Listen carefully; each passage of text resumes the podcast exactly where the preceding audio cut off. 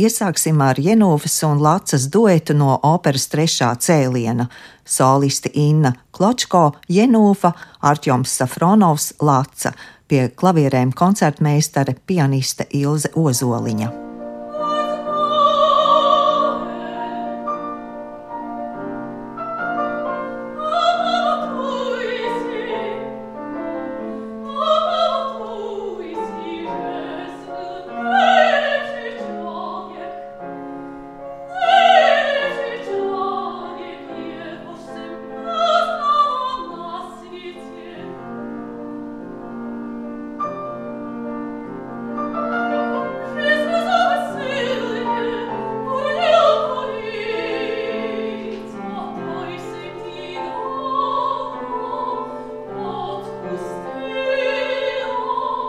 Savukārt, tiekoties ar žurnālistiem, Latvijas Nacionālās operas un baleta vadītājs Egīls Siliņš atklāja, ka jau stājoties operas valdes priekšsēdētāja amatā, pirmais, kam zvanījis, bijis Alvis Hermanis, lai spriestu par to, ko režisors varētu šeit iestudēt.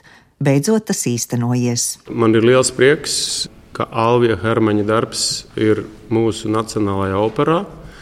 Tas bija garš un visai viegls ceļš. Man ir arī liels prieks par pašu muziku, par to, ka šāda ļoti sarežģīta muzika atgriežas, jeb parādās mūsu repertuārā. Tas ir izaicinājums gan solistiem, gan orķestriem, gan arī pianistiem, kuri tagad vēl pēdējās dienas orķestra bedrē mēģina mainīgo takts daļu vienmēr saskaitīt. Bet ja ir grūtāki uzdevumi, tad arī mākslinieckās kvalitātes nostiprinās un arī aug. Un tad pēc tam, teiksim, padziedāt kādu Donizetti operu, liekas, vai cik tas ir vienkārši un viegli. Egīls Siliņš piebilst, ka vajadzētu vairāk spēlēt 20. un arī 21. gadsimta mūziku. Leoš Janāčeks ir čehu komponists, mūzikas teorētiķis, folklorists un mūzikas pedagogs. Ietekmējoties no Morāvijas tautas mūzikas, izveidojis tikai sev raksturīgo mūzikas stilu. Kas tik sarežģīts Janāčeka mūzikā, skaidroja iestudējumu muzikālais vadītājs un diriģents Mārtiņš Ozoliņš. Paši Janāčeka mūzika, principā, ir ļoti neviennozīmīgi vērtēta gan viņa laikā, gan arī pēc tam nevelti šīs redakcijas, kas tieši instrumentācijas orķestra skanējuma ziņā tika veidotas, daļai romantizētas, tam laikam pieslīpētas, lai viņas būtu tādas, kā tas ir vispār pieņemts. Bet no 80. gadiem esam atgriezušies pie šī sākotnējā Janāčeka ieceres un instrumentācijas, kas, protams, ir pietiekami komplicēta, bieza, orķestrim tehniski sarežģīta. Tiešām tehniski sarežģīta, grūti. Mēs esam spēlējuši daudz starp Vinču Stokoviču, tad es varētu šo te likt vienā plauktiņā. Ir daudzas lietas, pat varbūt tās tādas specifiski grūtākas, kas ir.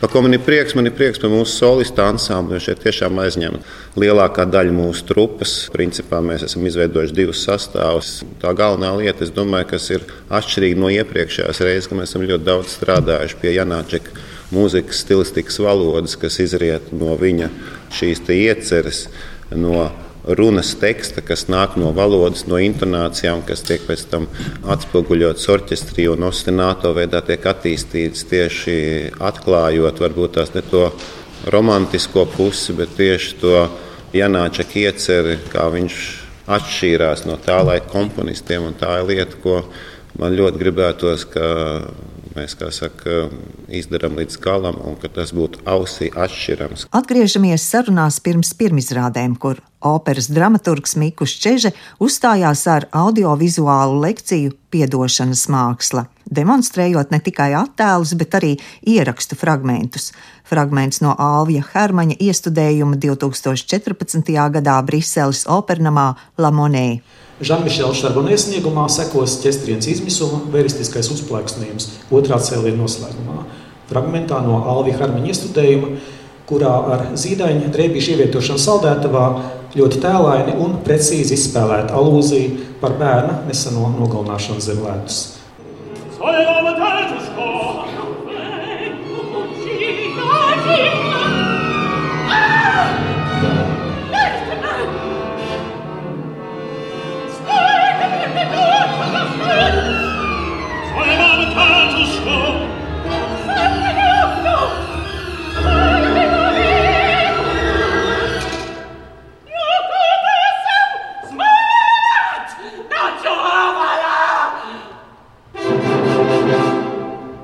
vārds iestudējuma režisoram un scenogrāfam Alvim Hermanim. Te man ir jāpiebilst, es saprotu, Rīgā nav tāda diža pieredze ar atjaunojumu. atjaunojumu jā.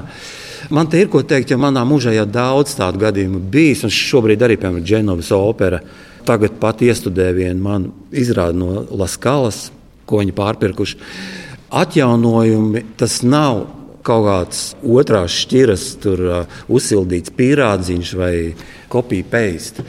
Pret atjaunojumiem operā vajag skatīties tieši tāpat kā orķestra partitūra. Ja vienreiz simfonija tiek nospēlēta, tas nenozīmē, ka viņi vairs aizliegs citiem orķestriem, jebkad spēlēt.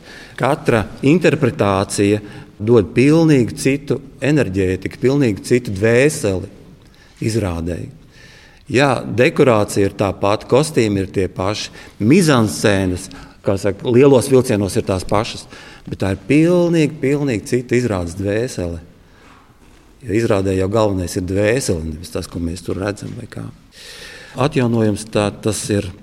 Tas ir pilnīgi, pilnīgi pastāvīgs mākslas darbs, un tie, tie cilvēki, kas piedalās katrā jaunā versijā, viņi ienes savu interpretāciju, un tā versija ir tikpat atšķirīga kā atšķirības starp, nezinu, nu, starp jebkuru citu mūzikas interpretāciju. Šī būs debija galveno lomu izpildītājiem Arčomam Safronovam un Innai Kločko. Sarunās pirms pirmizrādēm Arčoms atklāja, ka viņam šī opera ir par cilvēciskajām attiecībām, par piedošanas sajūtu un skatu nākotnē. Piebildīšu, ka Arčuns Safronovs sagatavojis gan Laca, gan Števa lomu. Sarežģīta opera, ko dziedāt, bet kad mēs satiekamies ar tādiem uzdevumiem, tas dod mums iespēju attīstīties pašam un eh, arī bildēt to savstarpējo iekšējo teātra līmeņu tādus sarežģītus uzdevumus. Jā. Un priekš manis, protams, tas ir diezgan grūti būt katra mēģinājumā, un no rīta darīt vienu lomu, un vakarā darīt otru. Jā, bet tas ir interesanti šajā darbā un šajā profesijā. Man pašam tuvāk Lācis loma, jo viņi ir nu, teiksim, lielāka un uh, iekšā ir kaut kādi tādi posmi, kur man patīk muzikāli mazliet vairāk. Bet gan Števa, gan Lapa ir ļoti sarežģīti un interesanti personāļi. Inna Kločko turpina par izrādes vizuālo ietērpu un kostīmiem, kas ir krāšņi Morāvijas tautas tērpi. I feel very, very proud to wear these clothes. Really, they are beautiful and they really fit the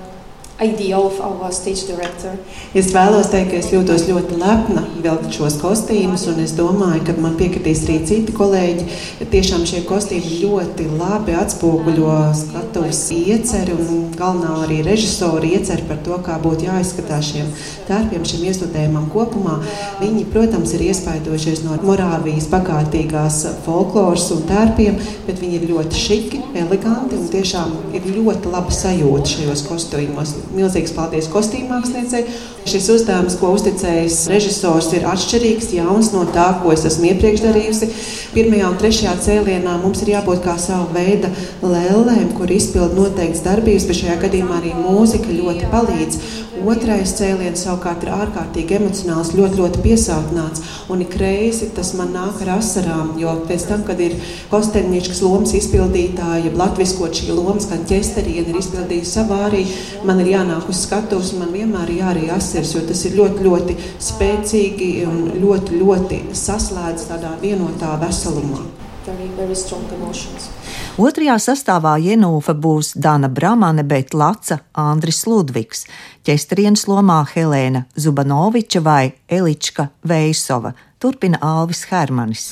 Es domāju, ka šī izrāda ļoti piestāv Rīgai, jo Rīga ir jūgenstila pilsēta, un es šo mūziku ļoti izjūtu kā, kā jūgenstila laika mūziku, kur etnogrāfija ir savienota ar modernismu.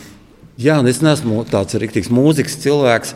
Es nezinu, cik ļoti sarežģīta ir šī mūzika, bet nu, pēc tā, ka es viņu kādu neskaitāmas reizes klausījos, man viņa liekas bezgalīgi skaista. Ārkārtīgi skaista šī jaunā čika mūzika. Nu, tas ir tāds modernisms, tas ir tāds jūgenstila skaistums. Jā, nu. Tāpēc arī bija tāda, izdomājot izrādi, bija arī tāda kaut kāda atsauce uz, uz Džagiļeva laikiem, uz, uz Nižīnska baletu. Tā, jā, tiesa izrādē ļoti svarīgi ir baleta arī klātbūtne par ko atbildīga ir Alise Gālova, kas Rīgas publikai ir ļoti pazīstama choreogrāfa. Kostīmu māksliniece mums ir no Anglijas, bet sākumā bija doma uzaicināt ļoti, ļoti ekstravagantus kostīmu māksliniekus. Es saprotu, ka es Briselē gatavoju. Mēs, mēs kontaktējām Džonu Galjāno, lai viņš strādātu pie šīs izrādes. Bet tad, kad es, es pats aizbraucu uz Morāviju un redzēju tos Morāvijas tautas kostīmus, es sapratu, tur nav vajadzīgs nekāds Galjāno. Tur ir vajadzīgs kārtīgs tāds angļu kostīmu meistars, kāda ir Anna Watkins. Tiešām tie ir morāviešu tautas kostīmi kāda viņi ir. Tur nekas nav izdomāts. Video māksliniece Ineta Sipunova, kas daudzkārt sadarbojusies ar Alvi Hermani, sarunās pirms pirmizrādēm izcēla ornamenta sarežģīto dabu. Jo es nākot šeit, es tieši domāju par to ornamentu, ka tā vienkārši ļoti krasi. Es sapratu tādu spēli starp ornamentiem. Tā kā arābu kultūrā ir tas, ka viņi dievu nezīmē kā cilvēku, bet viņam tas ir ornaments. Un līdz ar to tajā visā slēpjas tāds nu, tiešām dievišķā enerģija. Tāda. Un, nu, jā, tā mēs sākām pētīt visus, kas attiecās uz uh, Morāviju un uz Čehoslovākijas tiem jūgendiskajiem un dažādiem. Principā viņi ir daži patapināti, ir, ir, ir daži ornamenti ir diezgan līdzīgi kā latviešiem. Vienkārši viņiem viņi ir daudz plūstošāki. Arī realistiskajā cēlienā ir ledus puķis, kurus uh, seko līdzi, un aizsilusī upe, kas ir augšā un stāsta par eņģeļiem un, un teiksim, stāstiem, kas notiekās teiksim, tādā virsotnē.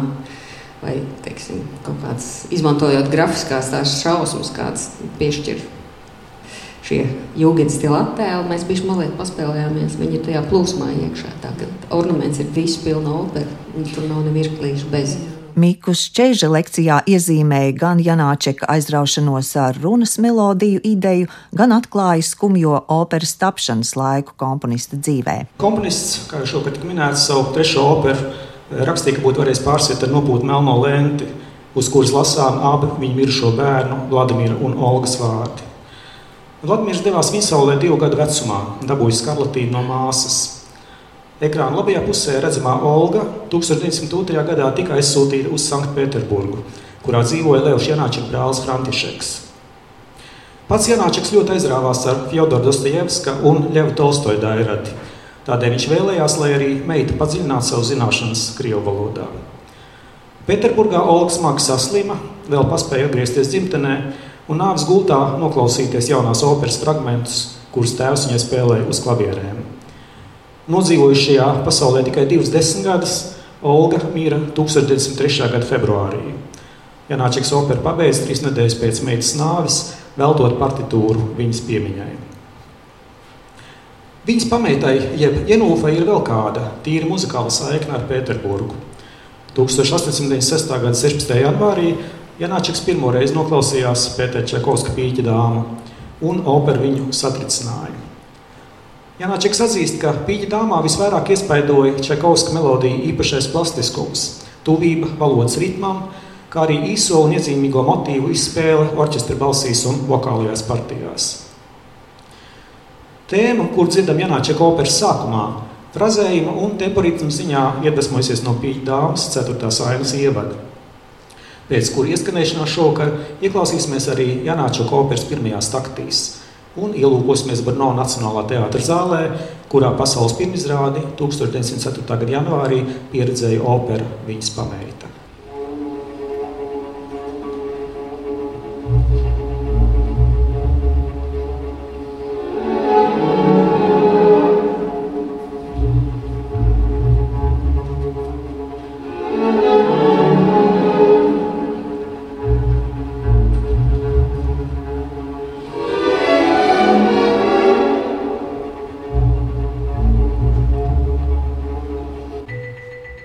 Vēl tikai piebildīšu, ka operas Jenūfa atjaunojumu veids un ar solistiem strādā režisora asistente no Briseles, Mariela Kāna.